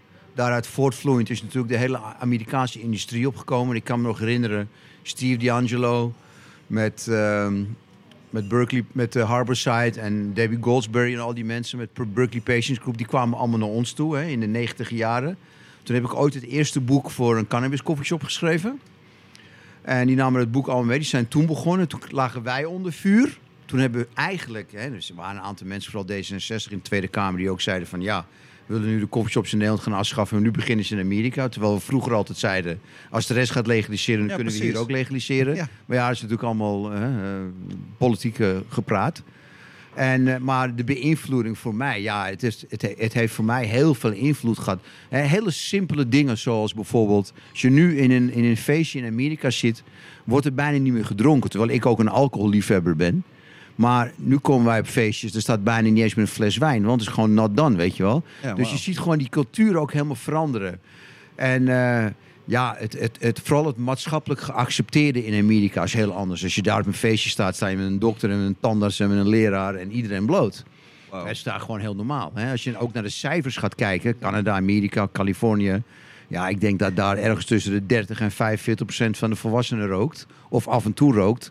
Terwijl dat hier in Nederland tussen de 2 en 5 procent ligt. Ja. Nou, dan ligt het in Zuid-Europa ligt het wel wat hoger. Zal het rond de 10, 15 procent liggen. In Spanje en Italië en dat soort landen, daar is het wat, wat meer normaal. Maar het heeft ook te maken natuurlijk met het eh, stigmatiseren van het product hier in Nederland. En, en dat het een beetje not done is om te roken. Terwijl ja, weet je, wij willen eigenlijk dat zoveel mogelijk mensen roken. Waardoor je dus en van de alcohol en van de harddrugs afblijft. Ja, precies. Eh, dat is een, een heel belangrijk onderdeel van, van marijuana. Buiten dat het nog heel veel eh, eh, medicinale eh, eh, ehm, benefits heeft. En die we nu nog allemaal niet echt goed onderzocht hebben, omdat er gewoon te weinig geld is. Maar je kan je natuurlijk voorstellen dat mijn adviezen zijn dat elke CEO en elke drukbaasje en elke gestreste moeder zou in ieder geval op vrijdagavond een goede joint moeten roken en eens een keertje naar de film moeten gaan kijken eh, met de kinderen en met pa op de bank. Precies. Om, om, om het eh, gehalte cortisol een beetje naar beneden te brengen in de hersenen. En, en, en, en dat zijn bijvoorbeeld dingen waar we helemaal nog nooit over praten in deze moderne maatschappij. En als we bijvoorbeeld naar de arme landen kijken, waar ik de Strainhunter films heb gemaakt. Hè, de, de reden dat ik die ooit ben gaan maken, is ik kom oorspronkelijk uit Afrika en niemand weet hoe het werkt. Maar om de evenaar zijn 200, 200 miljoen mensen afhankelijk van marijuana. En daar wordt het al, hè, daar hebben ze gewoon echt geen geld. Hè. De reden dat bijvoorbeeld kinderen in Afrika niet naar school kunnen, is dat ze gewoon eh, op, het, op het vee moeten passen. Ja, precies. Hè, eh, daar kunnen ze geen hekken kopen, dus ze hebben daar maar drie velden. Ze hebben een milliefield, hè, dat is dan corn, mais. Ze hebben een groenteveldje om te eten. Die millies is voor, de, voor, voor het vee. En ze hebben een klein cannabisveldje om wat geld te verdienen. precies. Maar die olie en die, en die zaden, die worden al aan die baby's gegeven tegen krampjes in de buik en allemaal dat soort dingen. Dus het is een heel. Het is een hele leefwijze, het is een hele filosofie. Er zit heel veel achter. Wat natuurlijk weggedrukt is in de westerse wereld. Vooral in de 70, 80 en 90 jaren. Waarin we de war against drugs kregen met Nancy Reagan en, en, eh, en, en Ronald Reagan en al die toestanden. Eh, waar je nu nog de effecten van ziet. Hè? Eh, ja. het, het, zeg maar het sponsoren van de, van de maffia. Het sponsoren van guerrilla-oorlogen. En al dat soort dingen in de naam van, ja, in de naam van wat? Hè? Het is natuurlijk volstrekt uit de hand gelopen. Ja. En als je dan gaat kijken naar de 20 jaren met de drooglegging. Hè, politici hebben helemaal niets geleerd van die hele geschiedenis. Hè, want je kan in één klap zou je dat helemaal, eh, eh, zou je er een heel mooi product van kunnen maken. Je zou het, eh, een belasting erop kunnen heffenen. En, dan, en, en uit het schimmige wereldje halen. En er gewoon, ja, zoals het eigenlijk een beetje is nu met de coffeeshops in Nederland. En, en, en vooral zoals het nu in Amerika en Canada gaat. Ja. Nou, kijk, als je het heel cynisch bekijkt, er is een, eh, ik denk dat hij uit Nieuw-Zeeland komt, een, een drugsbeleiddeskundige, Julian Buchanan heet hij. Hij heeft een lijst gemaakt van 19 groepen en personen, zeg maar organisaties, die voordeel hebben van prohibitie van drugs, met name van cannabis. Ja. En dat zijn er niet voor niks 19. Ja. Want natuurlijk, als jij politieagent bent of politiecommissaris en je wil meer budget hebben, dan helpt het verbod, want je kan een hoop eh, reclame maken voor jouw werk, je krijgt meer geld de verslavingszorg, de alcoholindustrie, die gewoon big time omzet gaat verliezen als die plan normaal genormaliseerd wordt. Zo heeft hij er dus 19. Ja. En voor politiek, die, die, die hoort ook daarbij. Want voor politiek is het natuurlijk een ideaal onderwerp. Hè? Won't somebody think about the children? Dus je kan daar heel vaak mee scoren. En dat is voor mij ook de verklaring dat het zo lang duurt voordat we nou eens eindelijk normaal gaan doen, zou ik bijna willen zeggen, rond die plant. Nou ja, het grote voorbeeld is natuurlijk Amerika. Hè? Als je daar dus geld en drugs in beslag nam, dan mochten ze dat Ja. geld gebruiken om Ja. auto's te kopen voor het politiekorps. Ja. Hè, dat is jarenlang Ja. was dat. Heel miljoenen gingen er dan. waren kleine dorpjes bij de grens, Mexico. Ja, de gigantische politiebureaus en wagens en uitrustingen. En zo gingen ze natuurlijk de boel bestrijden, weet je, op die manier. wat je eerder zegt, totaal uit de hand gelopen. Ja. Met soms misschien nog wel ergens in het begin een idee over volksgezondheidsbescherming. Maar dat is al lang geleden helemaal eh, vergeten, zeg Ja, maar. ja. Het één dingetje, want dat vond ik zelf heel opmerkelijk. eh, een collega van jou, eh Ewout van Best Friends Coffee Shops hier in Amsterdam. Eh, drie shops, die was... Die, in zekere zin schilderde die een nachtmerriescenario. Maar hij zei, kijk, als alles gelegaliseerd wordt... dan eh, is de koffieshop in feite overbodig. Want dan kan je het bij de supermarkt kopen. Als wij nu als coffeeshops niet in actie komen om te laten zien hoe bijzonder wij zijn... dan zou het zomaar kunnen dat wij dadelijk gewoon helemaal niet eens meer bestaan over vijf jaar. Nou, kijk, er is ook nog iets van een sociaal ding. Hè? Zoals wij, Mhm. wij kennen elkaar natuurlijk ook al 100 jaar. En wij roken ook samen een joint. En eh, omdat de supermarkten bestaan, zijn toch ook de restaurants niet ophouden te bestaan? Toch? En de cafés zijn toch ook niet op, ophouden te bestaan omdat er eh, slijterijen zijn? En in Amerika zie je nu ook een kenteringen. En in, eh, daar krijg je nu ook de eerste smokerclubs. Weet je, daar heb je natuurlijk ook een beetje... Eigenlijk een dispensary is een beetje takeaway. Maar Ja. heel langzamerhand eh gaat het nu... Consumption lounges. Ja, ga je consumption lounges krijgen dus. Ik, ik, zie dat, ik zie dat niet zo hoor. Mhm. En jij, Joachim? Wij, nou, wij, wij hadden het in het begin natuurlijk ook even erover, voordat Arjan binnenliep. eh, dat, dat, dat, dat die coffeeshop nog steeds die unieke eh, Absoluut. factor is. Hè? Ja. In, eh, ook, ook in Amerika. Dus je krijgt inderdaad wel smoking lounges en, en er zijn er al hier en daar wat. Maar als je inderdaad die unieke, dat unieke karakter behoudt. En daar ben ik ook eigenlijk tegen afhaalloketten, zeg maar. Mhm. Want ik vind dat niet... eh, ja, dat is inderdaad... Ik bedoel, er is niks mis mee op zich. Maar het is gewoon een, een businessmodel. Ja. En wij zijn echt gewoon van...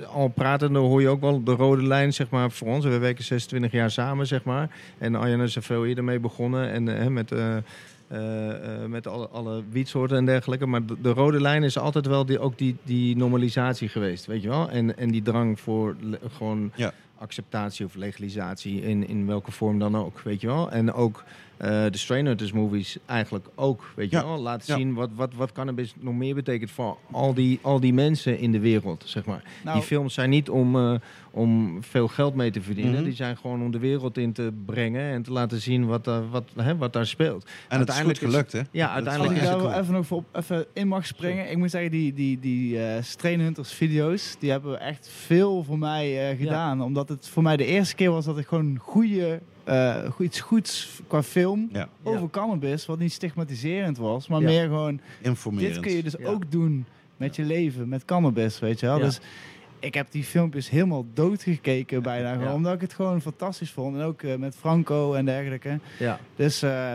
nee, echt, ik- het is voor mij, ik ben echt, zo, ik vind het top dat jullie dat hebben gedaan. Maar dat Ja. valt ook... Ja? Ik heb wel één tussenvraag. Ik vroeg me eigenlijk altijd af waarom jij daar nooit mee was gegaan. Waarom jij nooit Ja, dat eigenlijk... is een, een, een Als ik vraag. voor de Greenhouse zou werken, dan zou ik alles op alles zetten om er mee te mogen gaan hier. Nou, ik, ik, ik ben wel eens meegegaan, maar dan achter de schermen, zeg maar. Dus je ziet mij niet in beeld. Eh, maar het is wel een fantastische ervaring, kan ik je zeggen. Eh, maar ja, dit was echt het babytje gewoon van, van, van Arjan en Franco, weet je wel. Ja. En eh, ja, daar zit, daar zit, daar zit zo'n dynamiek in, weet je wel. En dat, dat klopte gewoon, zoals het was. Hè? En af en toe met Simon of eh, met Franco in, eh, in India, weet je wel. Dus Ja.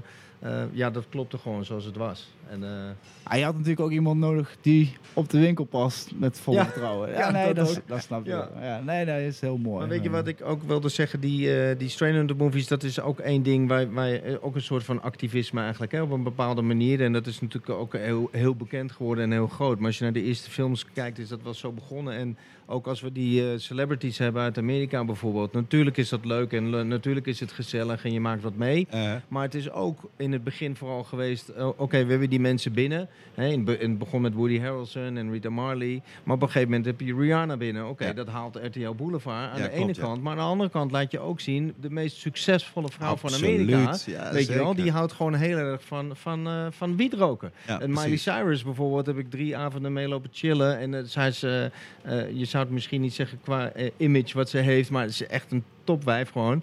Zij Eh, rookte en- toen on stage toch en ook ze hier in Amsterdam? onstage, ja, die heb ik haar meegegeven, Ja, nice. weet je wel. Dus die haalde ze uit haar dingen. En dat is voor mij echt een win, weet je wel. Ik, ik, ik, eh, vind dat... En, en, Ja, en ze je maakt- ze vergelijkt met geen, Nederland, dat is zo maf. Ja, er ze zijn maakt- zulke grote celebrities die gewoon prima out in the open. Ja, en hier moet je ze met een kaarslampje zoeken. Ja, weet je wel. En in Amerika werd het destijds nog eh, gecensureerd, hè. Dus eh, het liep drie minuten achter. Dat, dus dat gedeelte hadden ze... In Amerika hadden ze dat eruit geknipt, Des te maar. beter. En dat is dan ook weer, ja, weet je wel. Maar, Ja. maar dat, daar creëer je ook een soort van normalisatie mee Ja, natuurlijk, weet zeker. je wel.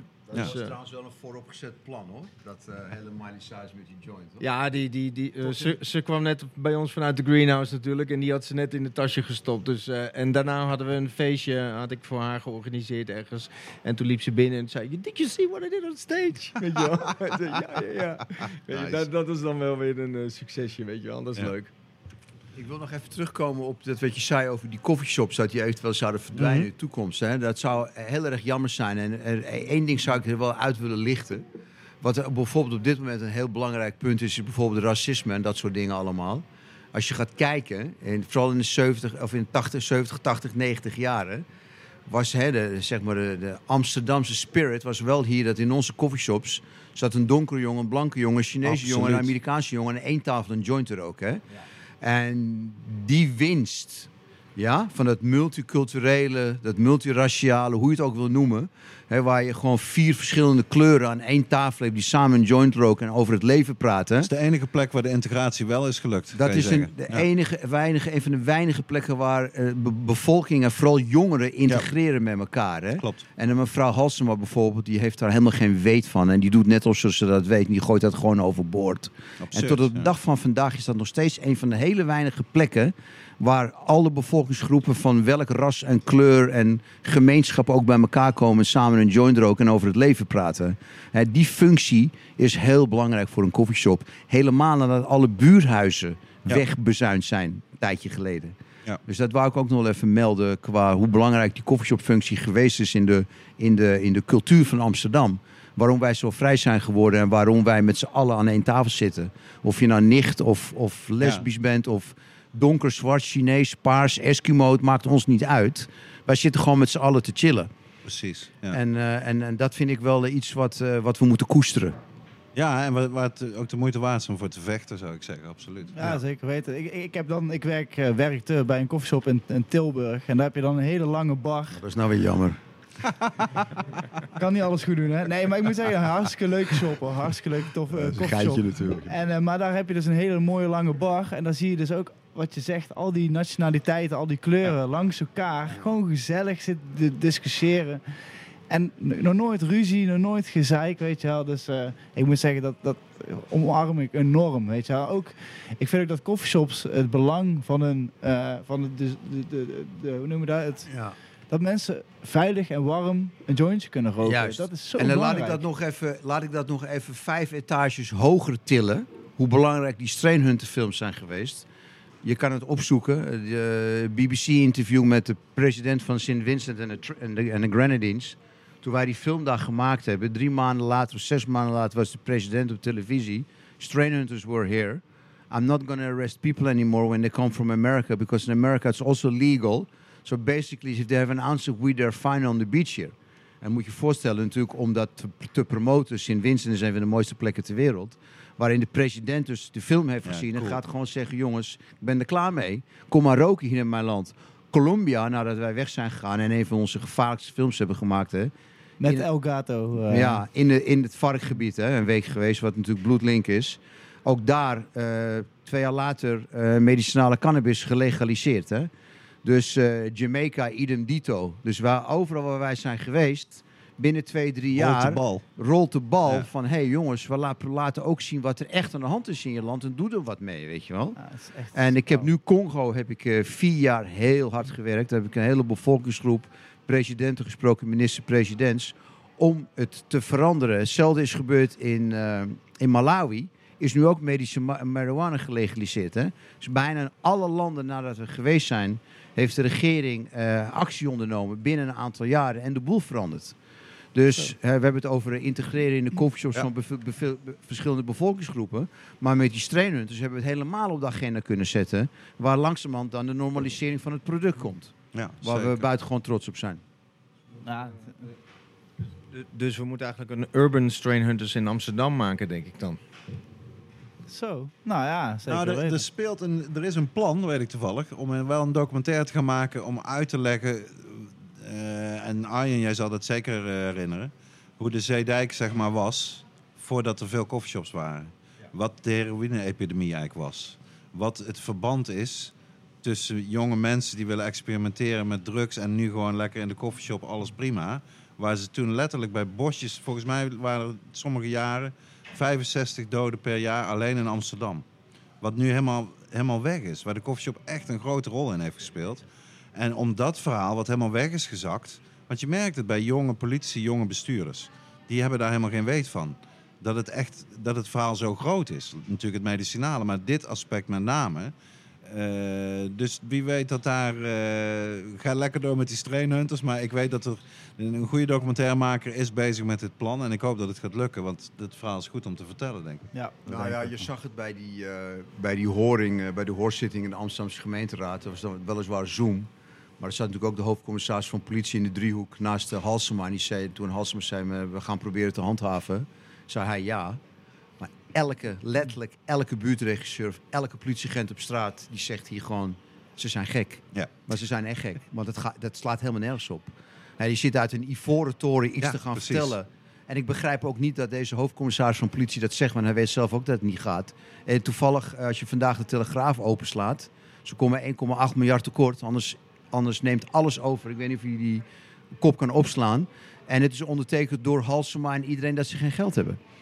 Ja, dus eh, de, ze spreken zichzelf ook totaal Ja, ja, tegen. ja, weet je wel? Het, is gewoon, eh, het is gewoon een utopie. En zelfs als je het geld zou hebben, dan is het nog niet te handhaven. Hoe ga je, hoe ga je een Warmstraat en een Haarlemmerstraat en een kan er nooit winnen. handhaven? Nee.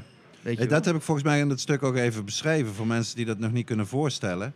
Omdat je het in Nederland 5 gram mag hebben, hè, gedoogd, zonder dat je vervolgd kan worden, kan iedereen dit trucje spelen met succes. Want je hebt niet meer dan 5 gram bij. Dus je bent nooit, de politie zelfs als ze je pakken, kunnen ze er niks aan doen.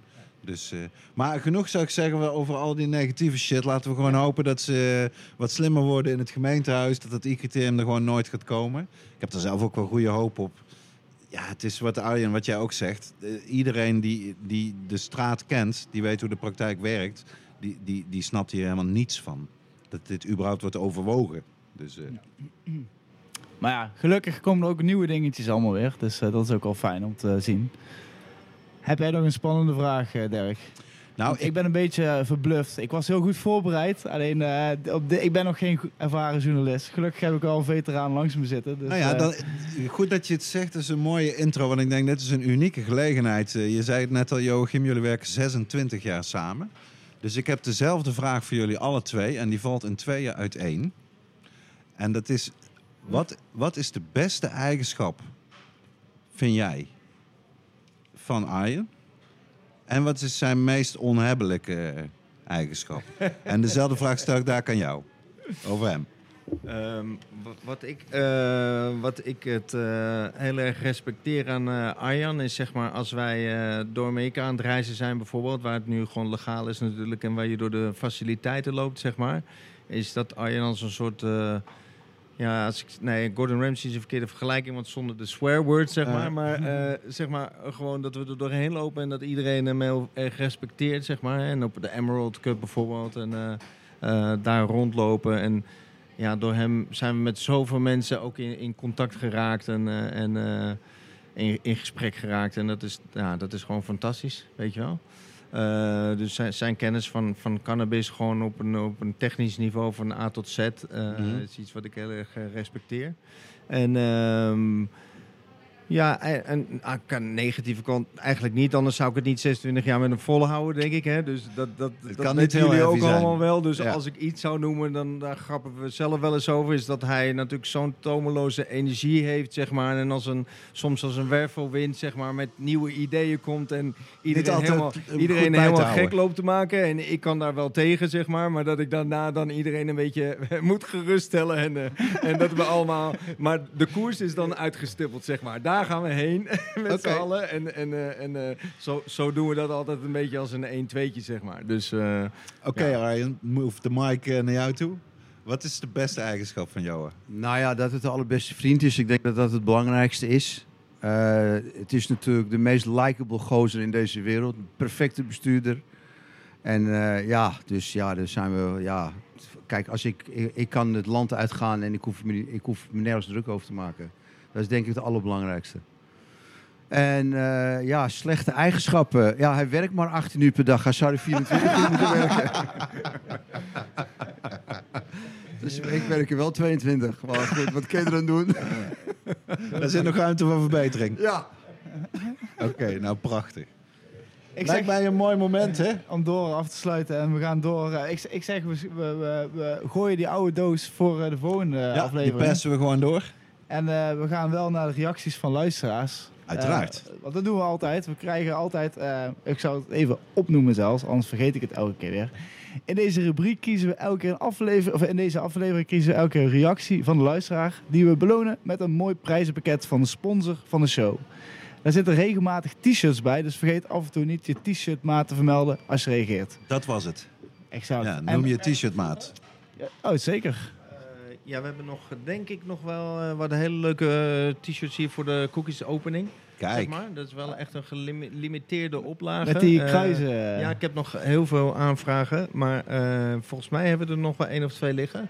die stoppen we Dus, er eentje die, in. Die stoppen we in de prijzenpot. ah, dat is geweldig. Dankjewel. Dus zend zeker in. Ja, en de, de winnaar krijgt naast dit toffe t-shirt, een unieke t-shirt en ook een discovery pack van Biotaps toegestuurd. Handig. En eh, eigenlijk heb, ik- heb ik een hele simpele vraag uitgekozen deze keer. Omdat ik het, eh, ik, ik wist dat we heel technisch zouden we hebben veel vragen binnengekregen na een oproepje. Ja, we- en, maar laten we gewoon de allermakkelijkste, want ook vaak, dat zijn mensen toch wel benieuwd over. En ik vraag het aan jullie allebei. Eh, en het is de vraag van, hoe moet je zeggen, van Kingfire 710. Die, die reageert met, blowen jullie nog elke dag? En kunnen jullie daar eens over vertellen? Misschien. Nee, ik blow niet elke dag. Ik denk dat ik blow drie tot vier dagen in de week. En na vijf uur. Ik heb PDD-NOS, dus een vorm van autisme. Dus daarom ben ik ook heel druk en werk ik heel hard. Maar het heeft ook één groot nadeel. Ik kan niet blowen en werken tegelijk. Omdat ik gewoon echt 40 dingen op mijn plaat heb liggen.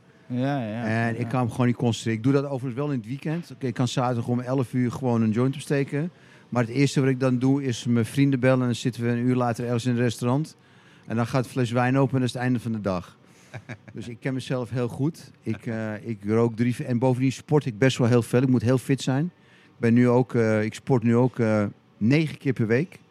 Met Arie Boomsma, om maar een voorbeeld te noemen. Oké. Hey, ik moet zeggen, je ziet er echt enorm fit uit. Ja, ik ben eh. heel fit, omdat ik ook nu die nieuwe, die nieuwe, nieuwe eh, film ga maken. Waar een stuk eh, vier dagen op een rivier zit met rapids. En hele gevaarlijke beesten. Ik ga geen beesten noemen, want dan weten jullie waar ik naartoe ga. Maar eh, ik moet best wel heel fit zijn, ja. Dus, en ik moet je eerlijk zeggen, ik vind het ook niet prettig om zeven dagen per week stoned te zijn. Dus ik doe dat gewoon. eh, ik ga er straks heen roken, zometeen na de dingen. neem ik lekker En ben je dan wiet of hash, man? Ik rook alleen maar pure wiet. Oké. En heel af en toe rook ik eh, eh, CBD-wiet met een beetje hash erin. Een Joachimpje. Zeg maar. Ja, een be- beetje hetzelfde. Eh, m- misschien moeilijk een gemiddelde te noemen, want ik heb wel wel periodes dat ik dan elke dag rook, maar ook wel periodes wat minder. Ik ben, eh, ben nu 48 en na mijn 40ste ben ik wel een beetje, ook wel een beetje op mijn conditie gaan Mhm. letten en zo. Toen ben ik gaan boksen. Dat ben ik heel erg leuk gaan vinden, dus daar, daar, daar train ik wel veel voor, zeg maar. En ik ben niet zo iemand die dan voor een training gaat uh, blowen. Zo. Ja, dat is die niet, je dat wel, is die niet verstandig. wel echt? Ja, ja, die zijn er Die wel. Hè. eh, sativa nee, Diaz, veel, nee, ja. Die vorige week gewoon eh, bij de persconferentie ook aan het eh, eh, eentje opstak. Eh, ook heel goed voor de normalisatie trouwens. Hè, als een UFC-ster dat doet, Zo, weet je wel. Zeker, Eh, enorm. maar ik behoor niet tot die groep. En, eh, maar s'avonds uh, thuis uh, uh, vind ik het wel uh, nog steeds hartstikke lekker. Ja. Hey, top. Ik zeg in ieder geval, die uh, King Fire 710 krijgt dit pakketje thuis gestuurd. Ik ga zijn adres uh, bemachtigen. En zijn t-shirt maat niet te vergeten. Inderdaad. En ook voor, dus, ook voor iedereen nog die nog een leuke vraag, een opmerking, een reactie en, en een voorstel heeft. Je kan altijd uh, reageren op deze aflevering uh, via de mail. Uh, is info at met een T, de podcast. Uh, of onder de reacties bij Instagram, uh, Soundcloud, uh, wherever you like. Of de YouTube. En dan gaan we naar de laatste, laatste rubriek. We zijn bij het slot gekomen. De wijze woorden.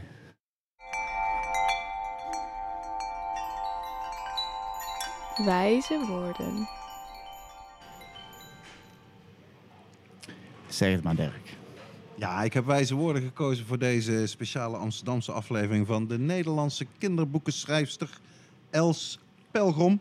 Ze heet eigenlijk Elze Koch, maar beter bekend als Els Pelgrom.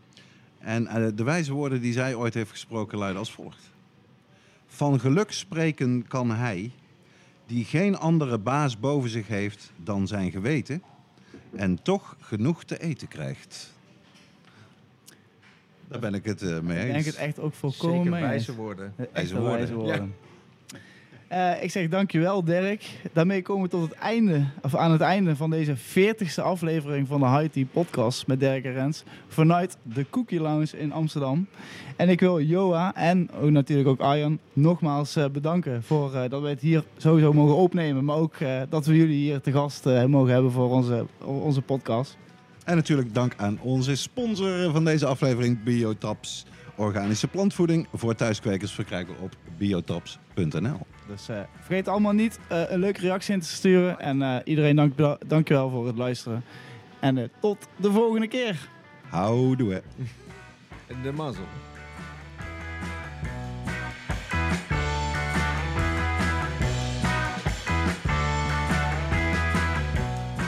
High Tea met Dirk en Rens wordt gemaakt door Dirk Bergman en Rens Hoppenbrouwers. Deze aflevering werd mede mogelijk gemaakt door Biotaps, organische plantenvoeding voor thuiskwekers, verkrijgbaar op www.biotaps.nl. Onze tune is Marijuana van de band Moon. Beluister muziek via iTunes en Spotify.